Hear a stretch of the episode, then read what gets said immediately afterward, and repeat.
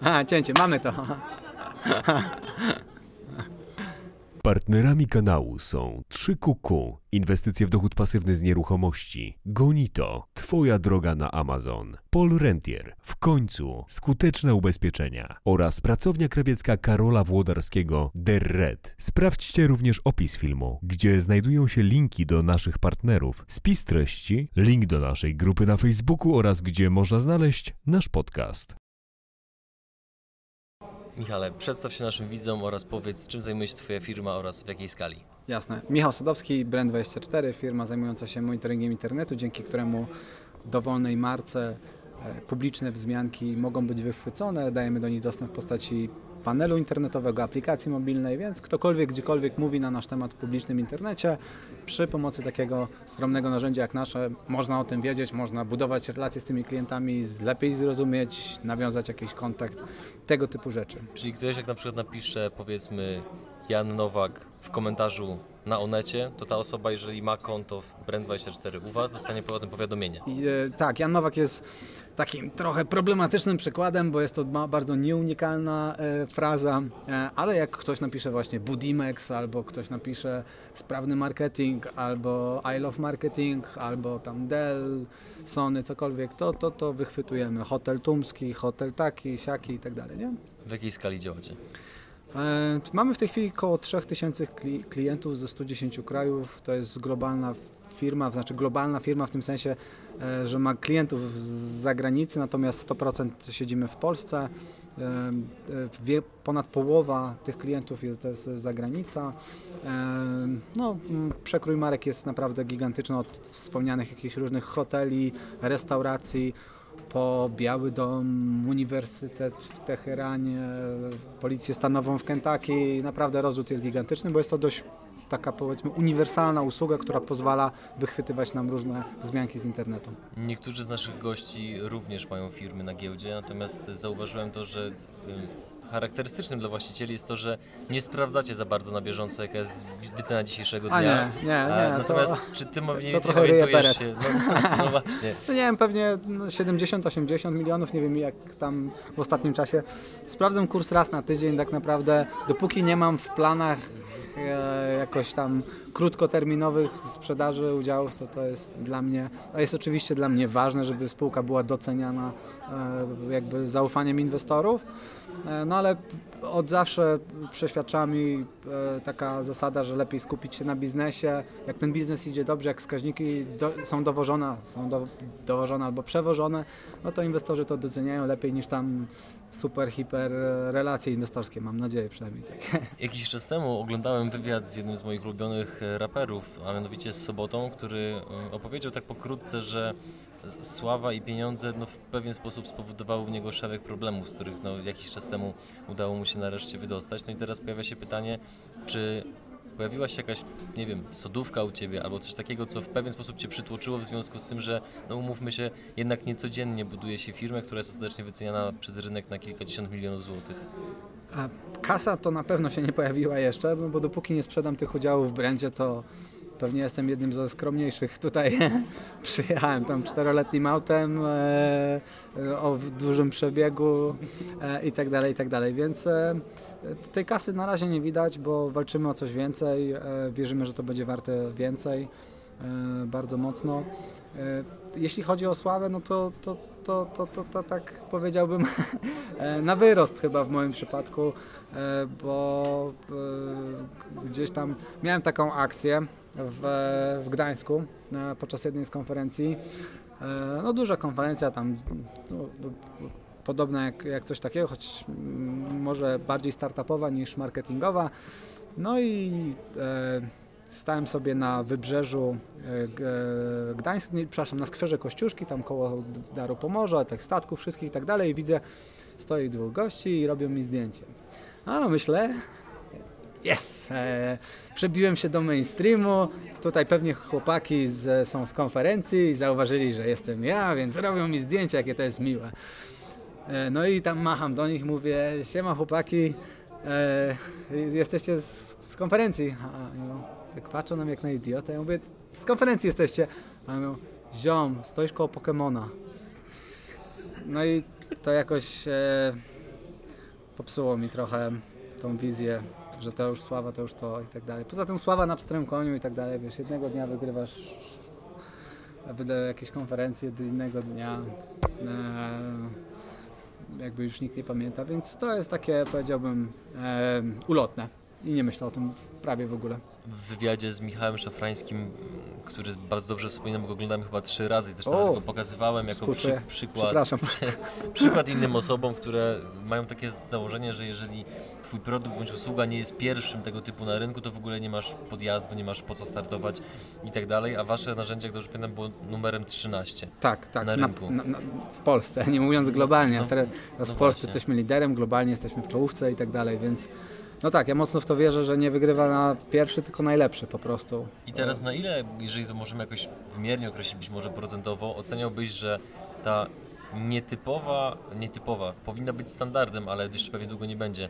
Na ile wasza nietypowa obsługa klienta, którą można w mojej ocenie nazwać wybitną, miała tak duży wpływ na to, że rośliście i rośniecie cały czas w tak dużym To, tempie? to miało dominujący wpływ. bo To wynikało z braku kasy, tak naprawdę. Myśmy rozkręcając ten biznes nie mieli specjalnie głębokich kieszeni. Nie było nas stać, żeby odpalić Google Ads, Facebook Ads, odpalić kampanię, wziąć aktorów, cokolwiek. No, nie, nie mieliśmy żadnego budżetu na e, reklamę przez pierwsze 2-3 lata działania branda, więc reklamą musiał być doskonały produkt, ale też właśnie e, relacje, jakie udawało nam się budować e, z, z tymi, którzy zdecydowali się przetestować narzędzie, tak aby ci testujący stawali się ambasadorami naszej marki i e, gdzieś wyciągali nas na salony, na prelekcje, na warsztaty, opowiadali o nas znajomym. I to od zawsze był cel, więc od zawsze szukaliśmy jakichś nowych metod budowania relacji. Byliśmy jedną z pierwszych e, firm, która wdrożyła sobie live chata na stronie i to z dzisiejszych perspektyw, tam 7-8 lat, to wygląda, brzmi, no dzisiaj wie, wiele biznesów ma czata na stronie, to nie jest żaden łohoho, ale wtedy to było wow, można pogadać z ludźmi bez zostawienia maila, jeden klik i jestem w kontakcie z, z użytkownikiem. I to był, no, no i jakby od zawsze inwestowaliśmy w takie jakby nietypowe kanały komunikacji z klientem, ale też wychodzenie e, o krok dalej, taką, tak, takie extra mile, e, e, które przemierzaliśmy, żeby klient poczuł się doceniony. No i to nam zostaje gdzieś tam do dziś. W jaki sposób weryfikujecie na etapie rekrutacji, czy dana osoba będzie pasowała do DNA waszej firmy? No bo zakładam, że Ilość tego... wspólnych znajomych na Facebooku ze mną. kluczowe.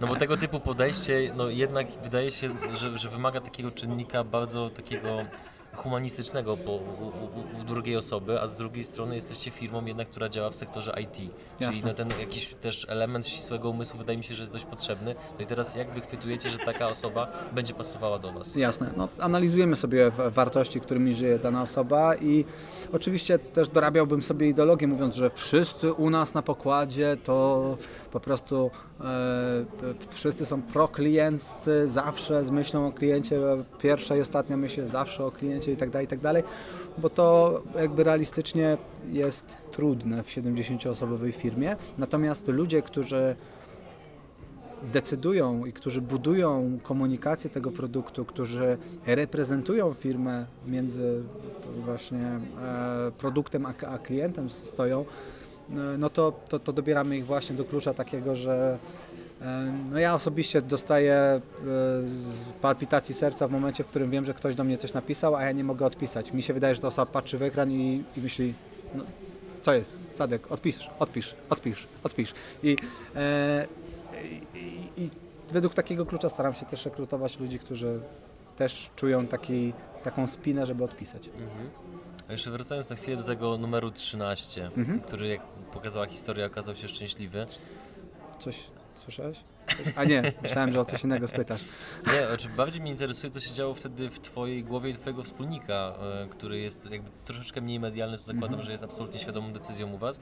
Co się działo w Waszej głowie? No bo znowu, jeżeli przyjmiemy, że mamy jakiś powiedzmy rewolucyjny pomysł, jesteśmy pierwsi i tak dalej, no to pojawia się taki troszeczkę powiedziałbym naiwny entuzjazm, że no okej, no jesteśmy pierwsi, to być Tak, może w ogóle tak. przyjmiemy rynek. No ale z drugiej strony, jeżeli jest się numerem 13 na rynku, no to chyba prawdopodobnie pojawia się też taki naturalny sceptycyzm, że hej, już chyba jest tak gęsto, że tam ciężko w ogóle szpilkę włożyć, a mimo to U nas spróbowaliście. to było bardzo proste. Myśmy przetestowali pozostałych 12 i widzieli, jaką odwalają lipę. Dlatego nie było dla nas w ogóle e, jakby punktem oporu, że jest dużo podmiotów i być może nie warto wchodzić w ten segment, bo jest już ich sporo. Tak? Więc e, jakby naprawdę od dawna wierzymy i też obserwując e, nie tylko swoje jakieś tam historie, bo wielokrotnie raz byliśmy po stronie bycia pierwszym na przykład w Polsce, bo jeden z poprzednich biznesów, biznes, którym przebiłem się do branży internetowej, czyli Patrz.pl, czyli taki polski YouTube był zdecydowanie przed YouTube'em, zdecydowanie przed wrzutą, którą może jeszcze pamiętasz i, i widzowie pamiętają. Pamiętam. I ja pamiętam to uczucie, kiedy jechałem gdzieś autobusem i słyszałem dwóch e, gości, którzy gadali o wrzucie, żeby sobie e, zobaczył to na wrzucie i tak dalej. I wrzuta to był skopiowany od nas pomysł, jakby tak blisko skopiowany, że praktycznie no trochę jak Instagram Stories i Snapchat. E, Czyli bardzo blisko. tak, i pamiętam, że to było takie mega lipne uczucie, e, ale też uczucie bardzo, z którego, czy, czy doświadczenie, z którego bardzo dużo się nauczyłem, bo zobaczyłem, że nie wygrywa pierwszy, tylko właśnie najlepszy, a oni byli lepsi po prostu w tym, co robili.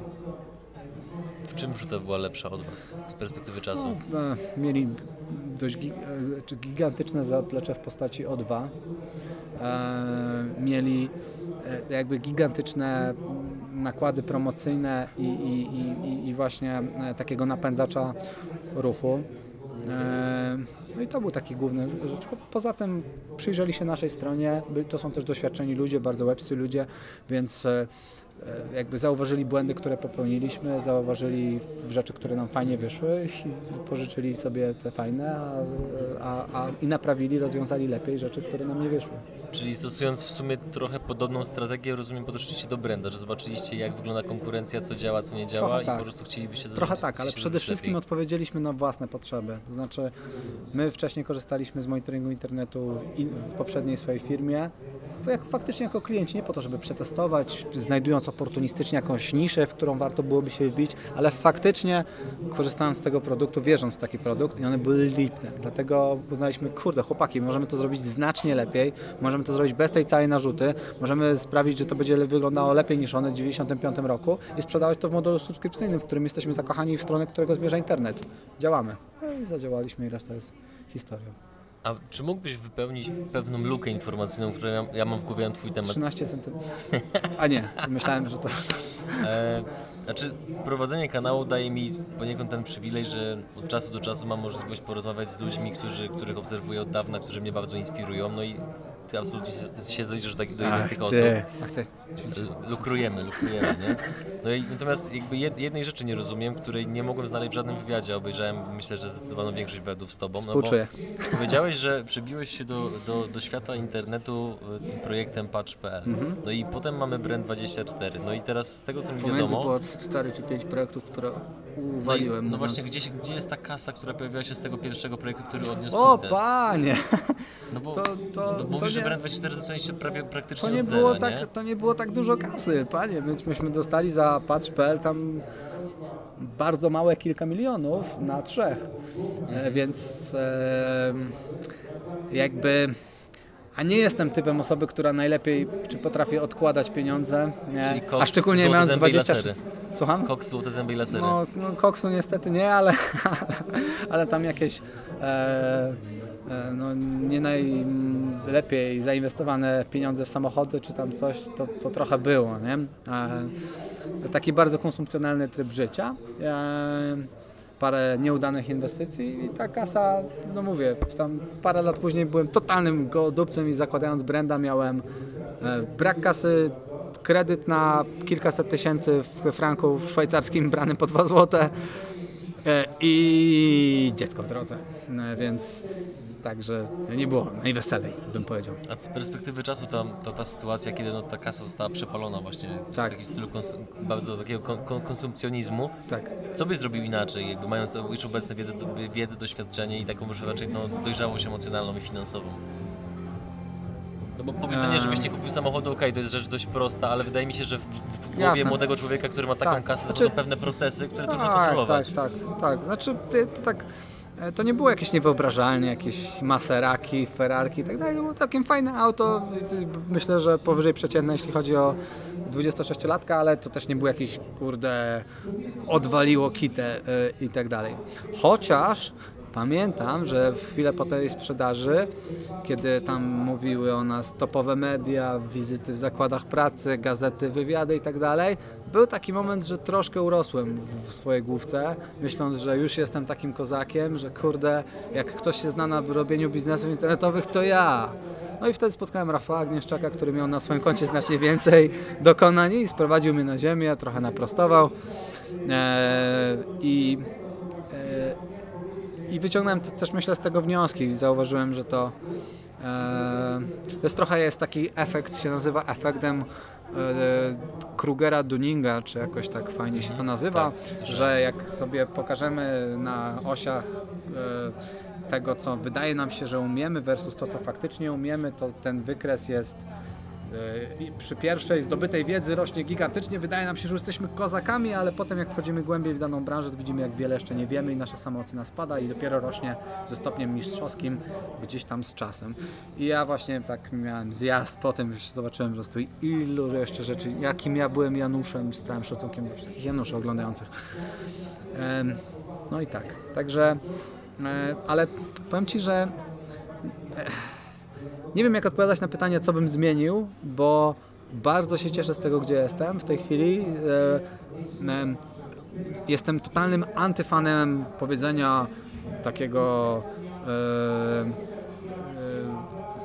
fail often, fail fast. Nie wiem, jak to tak na szybko przetłumaczyć na polski, że tak niech ci się nie udaje częst, jak najczęściej, jak najszybciej, bo wyciągniesz z tego wnioski i, i wiedzę. To jest bullshit. Dlaczego? Powinno nam zawsze zależeć na tym, żeby się udało, a nie racjonalizować, że o nie udało nam się, ale przynajmniej wyniosłem wiedzę. No nie, I te trochę. upadki są zawsze bolesne i zawsze powinny być bolesne. Mogą być motywujące, ale powinny być bolesne.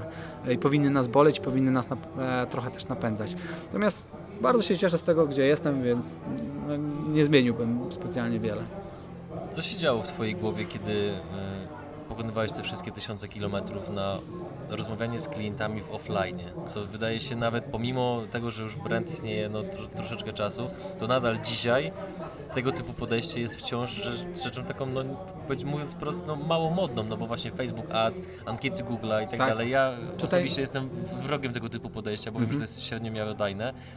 A mimo to no, już te 8 lat temu wyjeździliście od klienta do klienta, żeby na żywo z nim porozmawiać. Tak, tylko z perspektywy czasu ja sobie dorabiam ideologię. Mówię, że od początku wierzyłem w to, że na początkowym etapie budowania relacji z klientami warto widzieć ich osobiście, nie podpinać się pod zautomatyzowane formy promocji, bo wydłużamy ten cykl komunikacji, tracimy relacje, tracimy tą mimikę twarzy, po której ja widzę, czy slogany, które ja mówię, podobają Ci się, czy nie i wiem potem, jak komunikować swój produkt i tak dalej. No i padło m- moje imię. E, e, natomiast e, a, są, pyta- są chyba pytania do mnie. Chyba moment powinniśmy zakończyć. Tak, tak, tak. Więc e, ja u nas tak było z braku laku, z braku mojej asertywności, gdzie ja nie potrafiłem klientowi powiedzieć sorry, ja się zajmuję bardziej skalowalną formą dotarcia do klienta e, i tak dalej. I z tej takiej palpitacji, że "Chodź, klient zaprosił, dobra, lecimy szybko, rzucamy wszystko i lecimy, nie? Więc to tak trochę, trochę jest w tym przypadku, ale trochę też jest myślę takich cech, które pomagają rozkręcać biznes. To na ten moment, Michał, dziękuję Ci za rozmowę. Ja Q- bardzo Q&A dziękuję. Cię wzywa oraz uczestnicy konferencji. Wszystkiego dobrego i kibicuję dalej. ojczyzny. Bardzo Dzięki. dziękuję.